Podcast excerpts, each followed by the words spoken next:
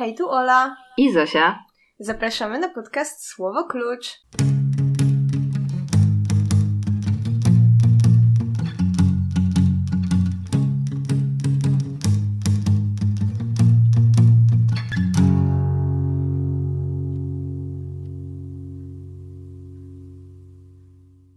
Zanim przejdziemy do e, książki, o której chcemy dzisiaj mówić, chciałam pójść w trochę inną stronę. Dzisiaj moja amerykańska koleżanka napisała mi e, życzenia z okazji Dnia Mola Książkowego i to jest takie perfekcyjne. O. I z tej okazji chciałam zapytać Cię, Zosiu, jaki jest Twoim zdaniem powód, żeby czytać książki Molu książkowy? Uuu, o matko. Um, hmm. Przede wszystkim taki, że jest to przyjemne. I to jest najważniejszy powód, moim zdaniem, że czytanie powinno sprawiać przyjemność i, i przynosić radość i Święte słońce. Słowa. Tak. A I jaki jest twój... słońce. No, no, słońce oczywiście i śmiech małych dzieci i skrzydła aniołków.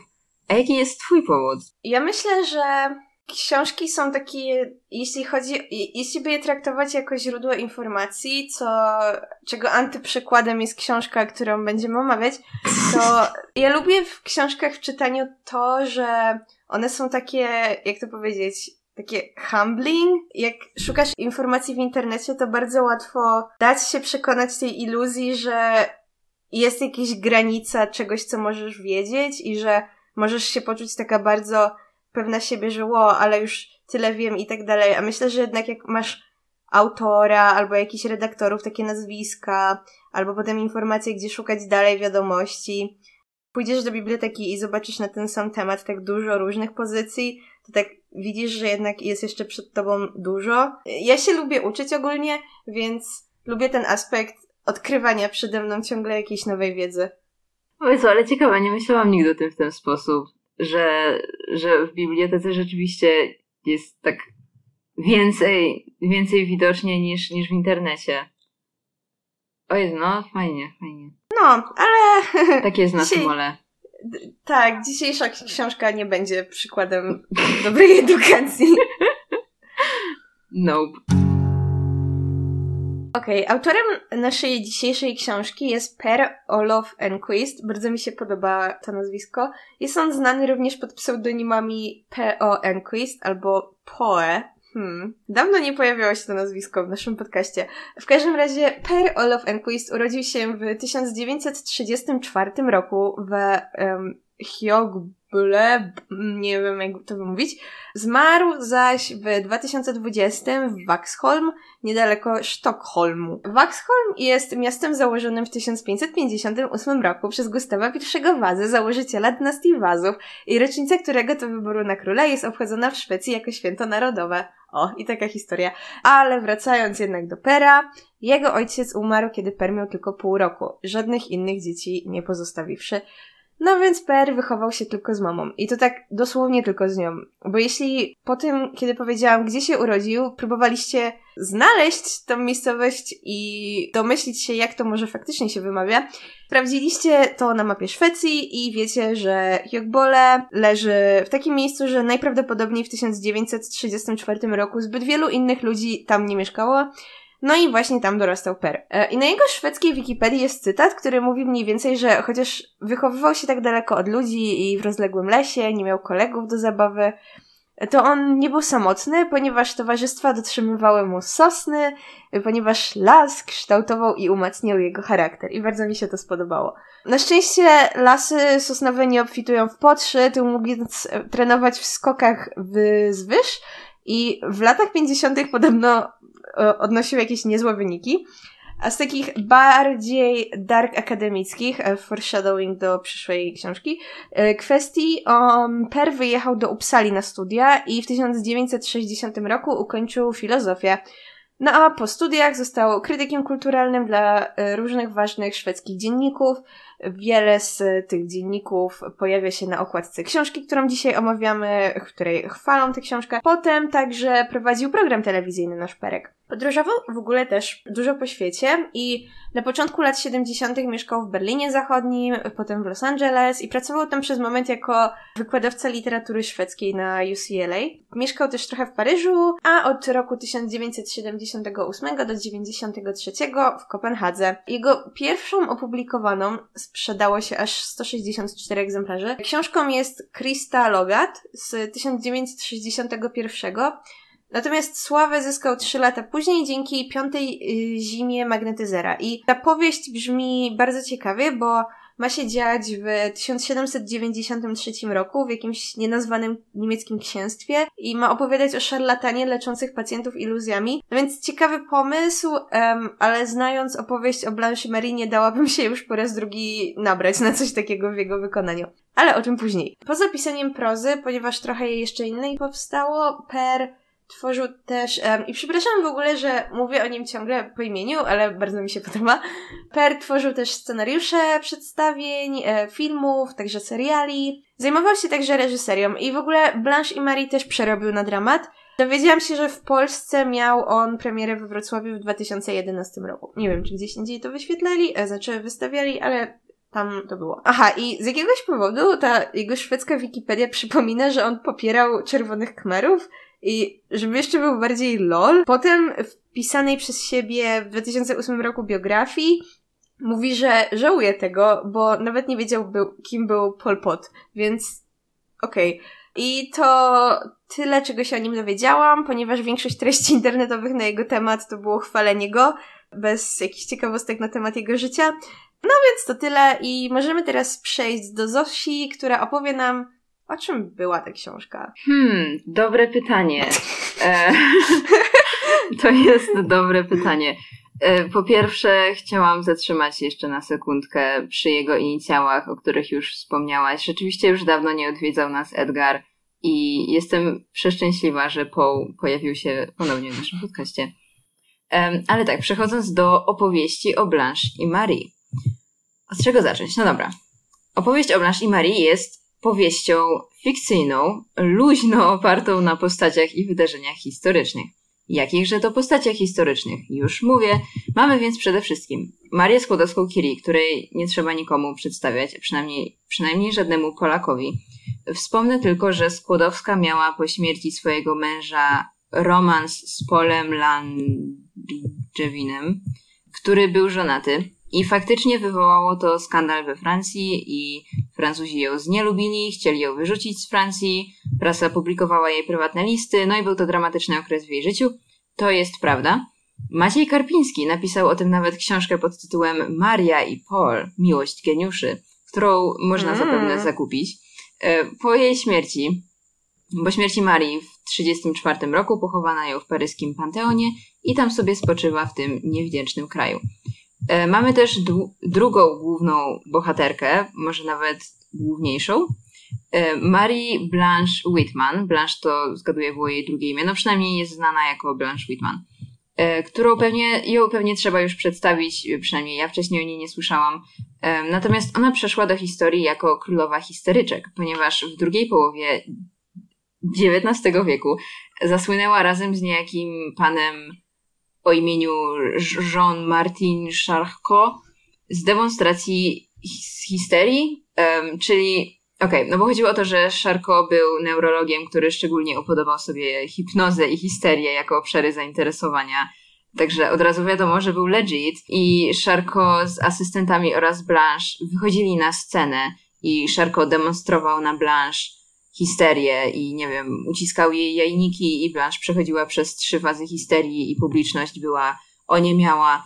E, no i byli bardzo popularni w swoim czasie, no i też byli powodem kontrowersji, bo niektórzy uważali, że Blanche rzeczywiście przechodzi histerię i że to jest jakieś takie no legit, a niektórzy uważali, że to wszystko jest fałszywe i udawane. Natomiast no byli bardzo popularni, Sarah Bernhardt przyszła na występ, Blanche zobaczyć ją E, bo przygotowywała się do roli histeryczki i tak dalej, i tak dalej.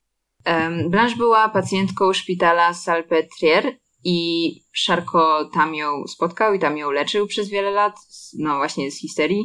No tak, no XIX wiek, nauka wiadomo jak wyglądała, a przynajmniej taka psychologiczna nauka, no to tam się działo, co się chciało dziać. I po śmierci Szarkota Blanche pracowała e, też w tym szpitalu Salpetriere na wydziale radiologii przy rentgenach i na skutek raka wywołanego promieniowaniem utraciła palce i utraciła rąk i utraciła tam części rąk. Nie wiem, czy całe ręce, czy części, no w każdym razie Ja gdzieś znalazłam, że co, coś tam właśnie jakieś tak, że ona mogła ich używać, ale jakieś tam części rąk właśnie straciła. No właśnie, okej, okay, dobra. No, czyli, czyli części rąk. No tam kilka, kilka tych amputacji miała. W końcu zmarła. Nie ma żadnych informacji wskazujących na to, że kiedykolwiek poznała Marię Skłodowską, a na pewno nigdy razem nie pracowały. To są fakty. Natomiast jeśli chodzi o treść książki, to pan Per Olof Enquist trochę sobie powymyślał.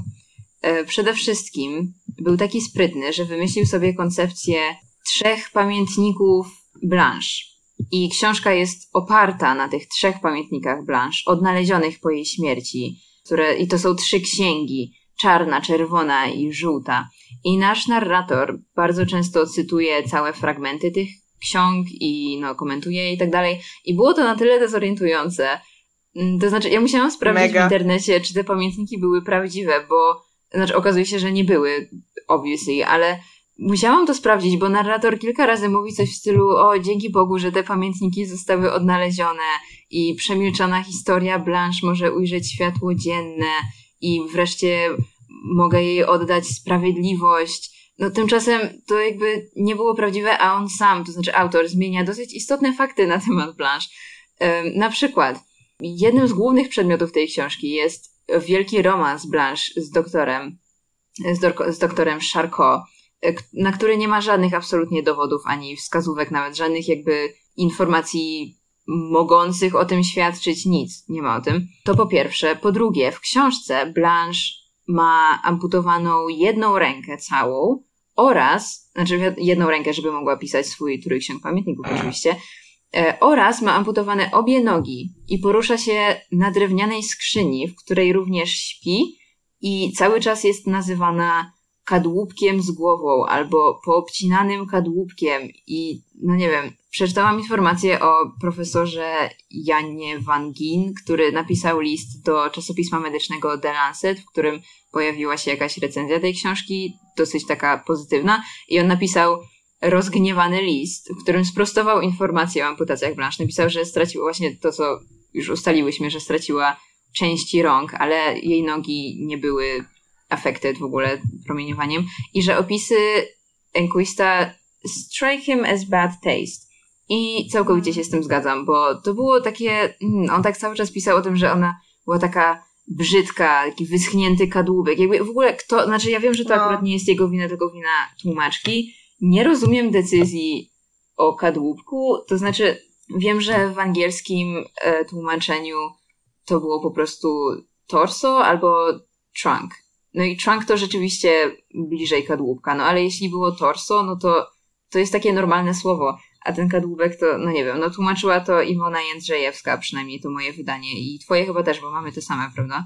Chyba tak. Mam takie, z, na które na okładce ma taki ładny obraz, którego tytułu nie ma oczywiście, z taką kobietą w czarnej sukience, która tak tajemniczo patrzy. To to samo? Tak, tak, tak, tak. Okej. Okay. Tak. Dziękujemy Buwowi za nasze ja, wydanie. Ja nie Buwowi, tylko ja, ja za to zapłaciłam dosłownie. Co?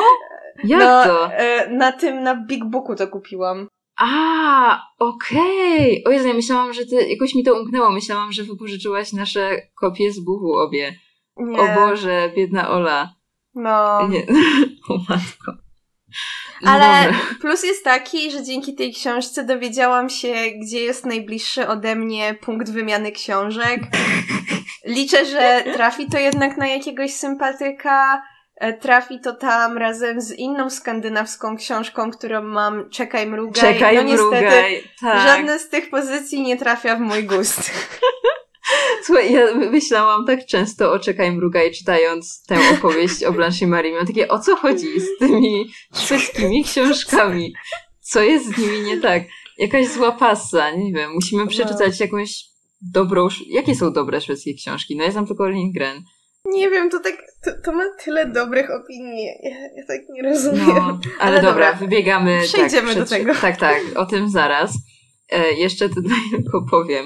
No więc właśnie, więc w złym smaku opisy, ja się z tym zgadzam. Natomiast rozgniewany list Jana Wangina niewiele pomógł, ponieważ te, ten, Boże, to mnie tak wkurzało. Ten autor, który jako narrator tutaj nam mówi, że no wreszcie odda sprawiedliwość Blanche i jej historii, tak rozpowszechnił dzięki swojej książce fałszywe informacje na jej temat, że one teraz, no wiele osób i wiele jakichś takich medyków uważa, że to jakby przyjmują, przyjmują te, te fałszywe informacje jako fakty. No więc można powiedzieć, że on zafałszował obraz Blanche. No ale dobra. Powieść, jak mówiłam, jest oparta na tych fikcyjnych pamiętnikach, e, w których Blanche próbuje dociec, czym jest miłość oraz jaka jest natura miłości. I każda księga ma jakiś odrębny charakter i jedna księga jest na przykład księgą pytań i tam Blanche na przykład pisze dlaczego? To jest pytanie i potem próbuje odpowiedzieć na to pytanie i no nie wiem, tak nie, no, nie urzekło mnie to, nie będę się zagłębiać w to, jaki był głęboki sens tych ksiąg, bo moim zdaniem nie był zbyt głęboki. W każdym razie przedmiotem powieści jest po prostu miłość i w książce Blanche jest psia psiu Marii Skłodowskiej i razem szlochają na podłodze, kiedy Maria ma romans i Blanche mówi Marii, że miłość jest tego warta i Maria w sumie też nie wie, czym tak naprawdę jest miłość. No i, no i o tym jest ta książka. Z tylnej okładki nie dowiemy się wiele więcej, ale w sumie przeczytam ten opis, bo.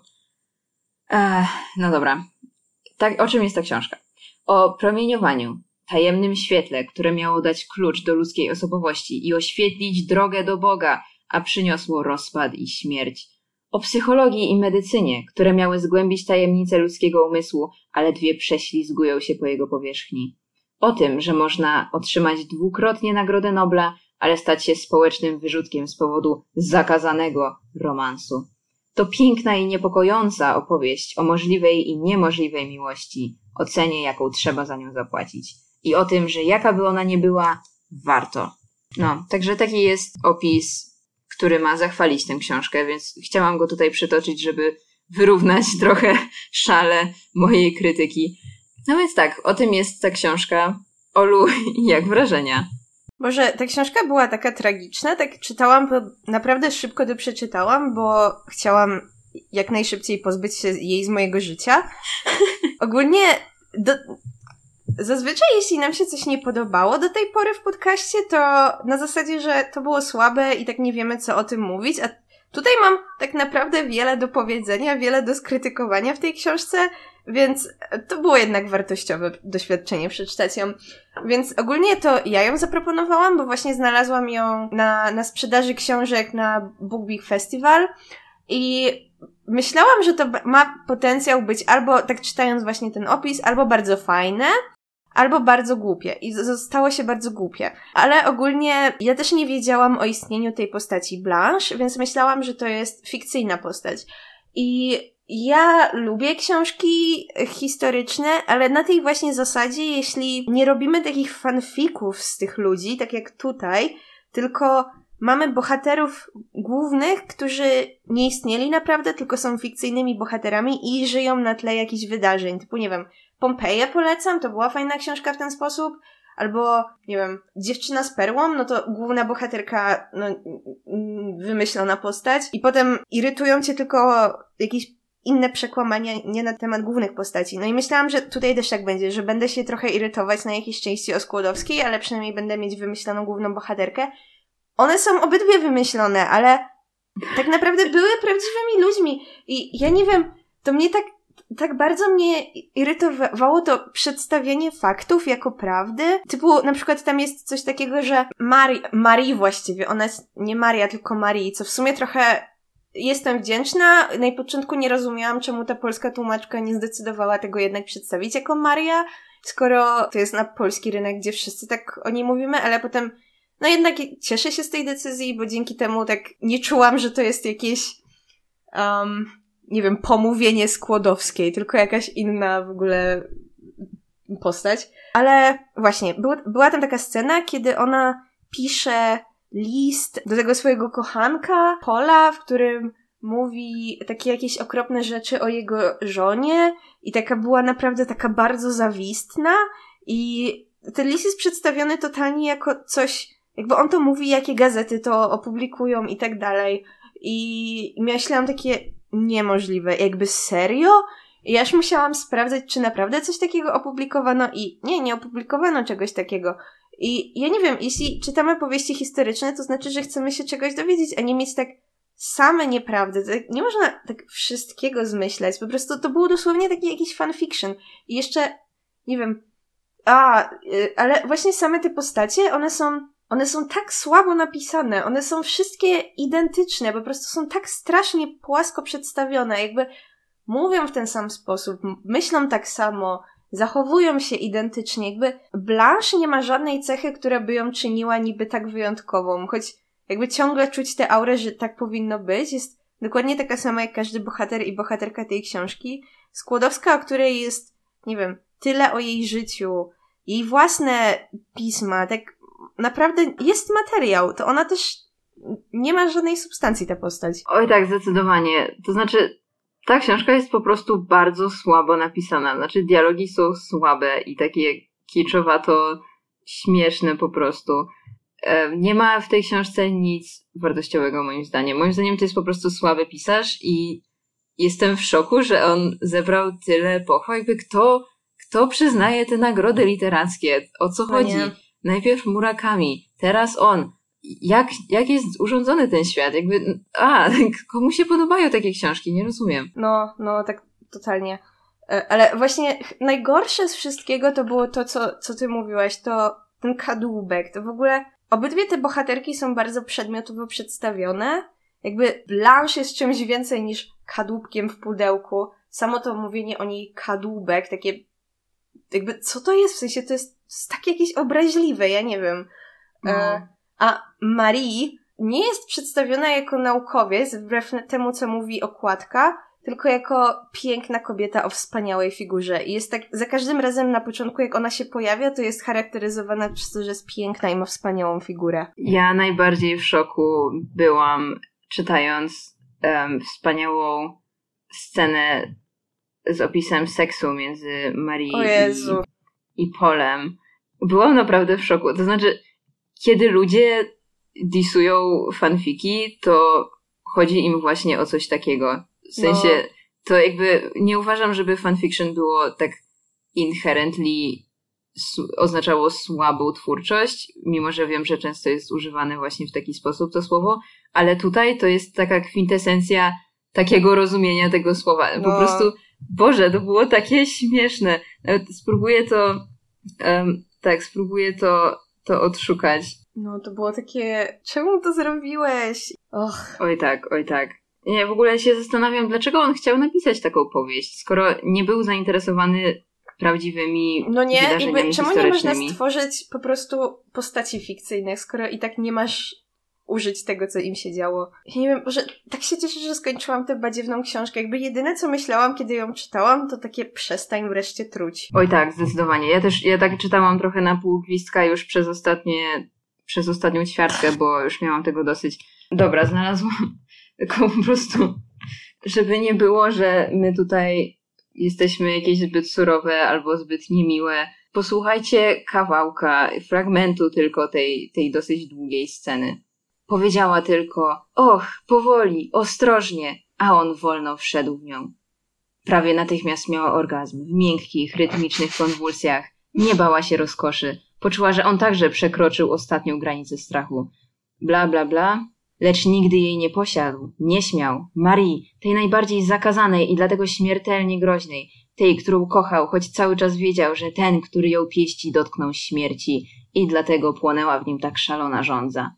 Po wszystkim położył ją na podłodze, a sam usiadł przy niej. I, i tak dalej, i tak dalej. To kolejna rzecz, która mnie zastanawiała w tej książce, to to, że on często opisuje Marię jako taką niosącą śmierć postać. I ja No. wiem, że ja wiem, że promieniowanie i że rad i tak dalej, ale to było takie śmieszne, on po prostu każdy, kto dotknie Marii, po prostu dotyka śmierci. I to było takie mega dramatyczne, ale tak nic na tym nie stało. Ta książka była takim, ona jest takim nadmuchanym balonem, jest po prostu taka, No. taka napompowana i całkiem pusta w środku. O, Bo ta książka robi często takie, em, nie wiem, takie teasery.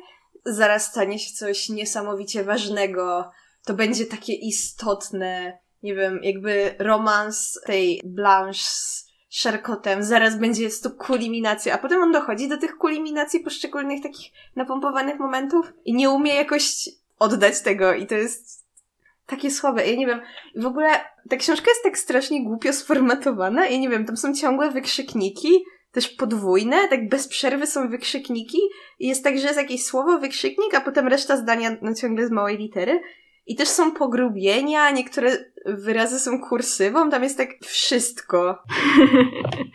Na to akurat nie zwróciłam uwagi, ale no, to, to prawda. I każda strona tej książki jest dosłownie taka sama. To jest niesamowite, ale każda strona jest identyczna. Oj, tak, tak, zdecydowanie. To też zauważyłam. Jakby ja czułam się po prostu, jakbym cały czas czytała w kółko to samo, tylko że trochę innymi dramatycznymi słowami napisane. Non-stop, non-stop, non-stop to samo. Ja nie, jakby ten człowiek napisał dużo, dużo, dużo książek, wygrał mnóstwo nagród, zmarł w 14, z tego co, tak, chyba w 14, ale żył W długo. 20. W 20? O matko, No, sprawdzałem, okej. nie było to na COVID, tylko miał raka od dłuższego czasu. Okej, dobra, no to, no to jakby trudno, powiemy źle o zmarłych. Moim zdaniem ten człowiek nie umiał pisać. Jeżeli on to napisał, bo to nie jest jego debiut, to nie jest powieść, którą napisał jak miał, nie wiem, jest taki jedna z 18 ostatnich lat. Książek, To jest no. jedna z ostatnich książek, no jakby po całym dorobku. Jeżeli to jest książka, którą napisał jako w pełni ukształtowany, dorosły człowiek, to, to absolutnie nie będę sięgać po resztę jego twórczości i uważam, że jest po prostu można, uważam, że można spokojnie, ze, z czystym sumieniem powiedzieć, że jest słabym pisarzem. Jeszcze kiedy robiłam tą biografię, to dowiedziałam się z różnych źródeł, tylko typu, nie wiem, BBC albo jakiś New York Times, bo ogólnie on jest najwyraźniej naprawdę tak bardzo ceniony. Strasznie dużo widziałam jakby tak pierwsze wyniki w Google, to jest jakiś jakieś artykuły, nawet nie wiem, tak w Polsce dużo, jakiś TVN24, TVP Kultura, Wyborcza, że właśnie umarł ten słynny pisarz, więc ja o nim nigdy nie słyszałam, ale czemu ludzie go tak kochają? On jest taki słaby. Ale w każdym razie bardzo dużo tych pozytywnych ocen wskazywało na takie dwie główne ce- cechy jego twórczości. E, Po pierwsze to, że często jest narrator z ludu, bez wykształcenia, a po drugie, że no, są fakty historyczne i te dwie rzeczy są takie typowe dla jego twórczości i cenione i zwłaszcza się to przejawia w opowieści o Marii i Blanche i to mnie tak irytuje, bo okej, są tam te elementy, ale żadna z nich nie jest dobrze zrobiona, to znaczy są, okej, powiedzmy. Po pierwsze, w ogóle nie da się odczuć, żeby Blanche była z ludu i bez wykształcenia, bo tak jak powiedziałam, każda ta postać zachowuje się i mówi dosłownie identycznie. W ogóle nie, nie przypomnisz sobie, że ona jest z ludu i wy, bez wykształcenia, nigdy. A po drugie, prawda historyczna, serio? Tak, o Jezu. Dobijały mnie takie fragmenty. On w pewnym momencie mówi, nie trudno zrozumieć, że ręce Blanche zostały amputowane, ale jej nogi? I jakby, gościu, no... Hmm, no rzeczywiście bardzo ciekawe, jak dobrze, że zastanawiasz się nad tym. O Jezu, albo... em, albo coś tam, coś tam. Jednako ogranicza to zasięg, zasięg prawdy. Dlatego trójksiąg Blanche jest tak ważny.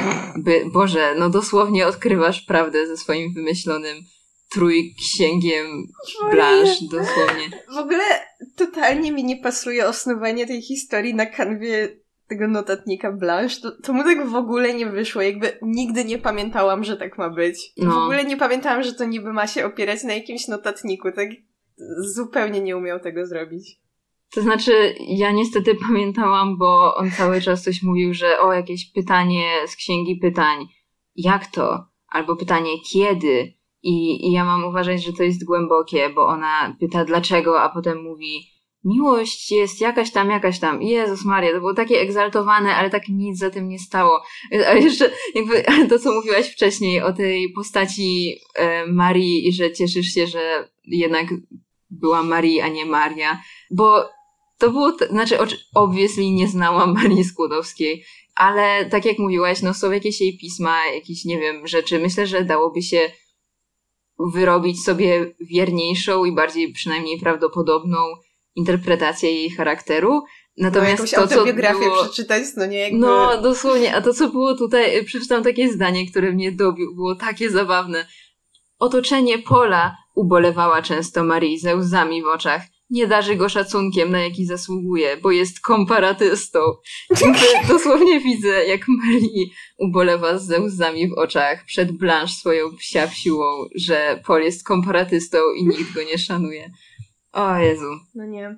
I też w ogóle e, ja, ja tak nie mogłam, to mnie tak strasznie irytowało, że właśnie ona jest to, to, to ma być niby taką wartością tej książki, że ona jest przedstawiona jako kobieta, a nie jako naukowiec, ale ileż razy można mi przypomnieć to w tej książce? Jakby uspokój się, to jest taki feminizm Marvela. O Jezu, ale prawda, ja czytałam jakieś, o, że ta książka była y, bardzo pozytywnie odebrana ze względu na, na swój, no właśnie na feminizm i bla, bla, bla. Gdzie tu jest feminizm? Jakby, no gdzie tu jest feminizm? To nie jest feminizm. I w ogóle ta książka ma być niby o relacji Blanche i Marie i o ich przyjaźni i wspólnej pracy, która, tak jak mówiła Zosia, najwyraźniej nie istniała. Ale nope. to, totalnie nie jest. Znaczy, one nie mają razem prawie żadnych scen i czasem mamy powiedziane Marie opowiedziała mi o swojej miłości, a potem płakała i, i to tyle. Jakby one tak prawie nic nie robią razem. Nie ma tej ich wspólnej pracy tam. Ja, ja nie wiem. One płaczą. I dlatego to jest feministyczne. Tak po prostu skupiamy się na, na ale nie, no naprawdę jakby feministycz, bardziej feministyczne by to było, gdyby mówiło cokolwiek o pracy Marii, ale, no nie. ale tutaj Maria jest przedstawiona jako kobieta pochłonięta um, romansem z żonatym mężczyzną i, i pisze, no właśnie, ja, do, dobrze, że wspomniałaś o tym liście. Ja trochę tak jakby tylko przeleciałam go oczami, bo był bardzo męczący, bardzo długi, ale no właśnie to, co mówiłaś, że ten list był taki pełen zawiści, jakiś taki strasznie okropny wobec tej żony i tak dalej. Czy to jest feministyczne? To jest właśnie takie, no, no. takie, no nie wiem, no ukazuje Marię jako taką bardzo płaską postać, tak jak mówiłaś. Ale jeszcze a propos Marii, jedno zdanie, które już ostatecznie powinno wszystkich przekonać o tym, że ta książka jest słabo napisana. Taki fragment o Polu, bo Paul ogólnie w tej książce jest przedstawiony jako taki, no właśnie naukowiec, którego tak zaskakuje ten romans z Marii. Mimo iż uważał, że jest odporny na działanie miłości, dopadła go choroba o nazwie Marie Curie, z której nigdy się nie wyleczył. Jakby to jest, no to jest napisane w taki sposób. To, to brzmi jak coś, co ja bym napisała w wieku 12 lat i myślała, że to jest najbardziej deep, dramatyczna, smutna opowieść ever. No ale nie jest.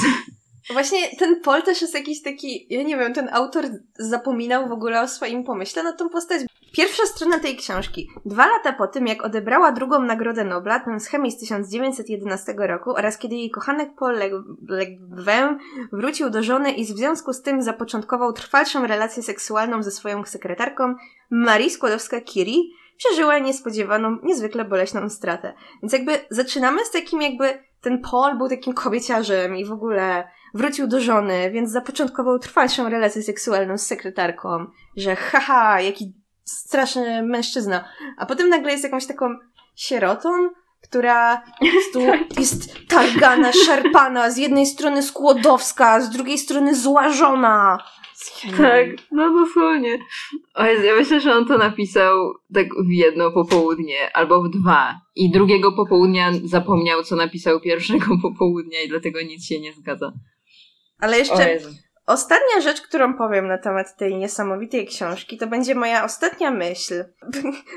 Bardzo mnie śmieszyło w niej, jak często ten autor chwali, tak klepie się sam po plecach, chwali Blanche za jakieś wyjątkowo mądre zdania z jej pamiętnika, które obviously sam napisał.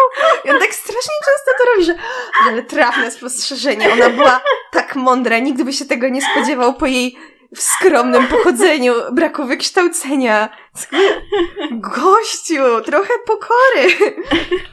Oj tak, oj tak, to było, to było bardzo zabawne. Także w sumie śmiałam się wielokrotnie czytając tę książkę. No. Zwłaszcza przy, przy tych takich momentach, o których właśnie powiedziałaś oraz przy tej scenie seksu Marii z Polem. Także w sumie polecam. Tak, ona była tak, taka campi w sumie. A, no. Dużą zaletą jest to, że jest taka, taka krótka, tak można sobie właśnie w parę godzin się pośmiać trochę i żyć dalej. Tak, ale nie, jakby przekartkujcie to. Nie poświęcajcie więcej niż półtorej godziny na ten chłam, naprawdę nie, nie warto. Jeszcze ta moja kopia z buwu ma tyle takich podkreśleń i, Boże, i tak trochę się źle czuję. No, bo, bo jakby ktoś tutaj, nie no wiem, że to trochę niemiłe, ale ktoś tak podkreślał takie, jakieś takie wyjątkowo dramatyczne monologi Blanche na przykład ołówkiem, albo o, mam jakieś E, niezliczone świadectwa o nienawiści do kobiet, które osiągnęły sukces, e, sukces szczególnie w dziedzinie nauki. Nawet ci, którzy lubili i kochali Marii, zakładali, że podstawą jej geniuszu był chłód. Gdyby nie chłód, nie byłoby geniuszu. A potem, ta niebieska poświata? Cóż to za światło tak z niej biło? Jej dusza była jak ostryga, światło w ciemnym lesie, zmarły w lodowym grobowcu pokryty skorupą lodu. Marii miała wiele twarzy. Takim stylem jest napisana cała ta opowieść. No ale komuś ewidentnie się spodobała, no i no więc może, no nie wiem. Znaczy ja uważam, że to jest bezwartościowe, ale jeśli komuś się to podobało, jeśli ktoś znalazł w tym jakąś, nie wiem, jakieś przemyślenie, które odpowiadało jego własnemu doświadczeniu z miłością albo coś w tym stylu, no to jakby spoko, ale no, no nie. Weź no, mam uważam, nadzieję, że, taka osoba się trafi, żeby ktoś zabrał tą książkę, kiedy oddam ją dzisiaj do punktu wymiany. Niech trafi na Niech trafi na jakiegoś sensownego właściciela, który dostrzeże w niej wartość. Albo sprankujesz po prostu kolejnego właściciela tej książki, tak o, jak może, ty zostałaś może. sprankowana. No ale dobra, Olu, jakie jest twoje słowo klucz do tej wspaniałej literatury? W końcu wygrały przekłamania.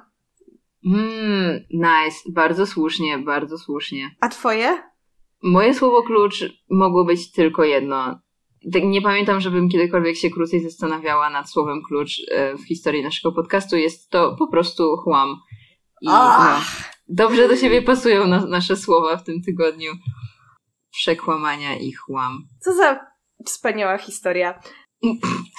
To tyle na dzisiaj. Mamy nadzieję, że Wam się podobało. Jeśli jesteście dziewczynkami zastanawiającymi się nad tym, jaką karierę wybrać, nie decydujcie się nie pójść w stronę fizyki albo chemii, tylko dlatego, że Maria Skłodowska-Curie jest tak idiotycznie przedstawiona w tej książce.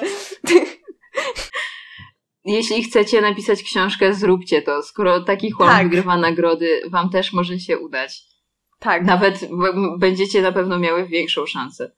100% wasza książka po prostu powali wszystkie te pozytywne opinie na temat tej książki na kolana. Yep. Będzie się przed wami płaszczyć każdy New York Times. No, a za tydzień, sorry, za dwa tygodnie porozmawiamy o The Secret History i Aha. może będzie lepiej. Też będzie na pewno śmiesznie. Tak. Dobra, do usłyszenia!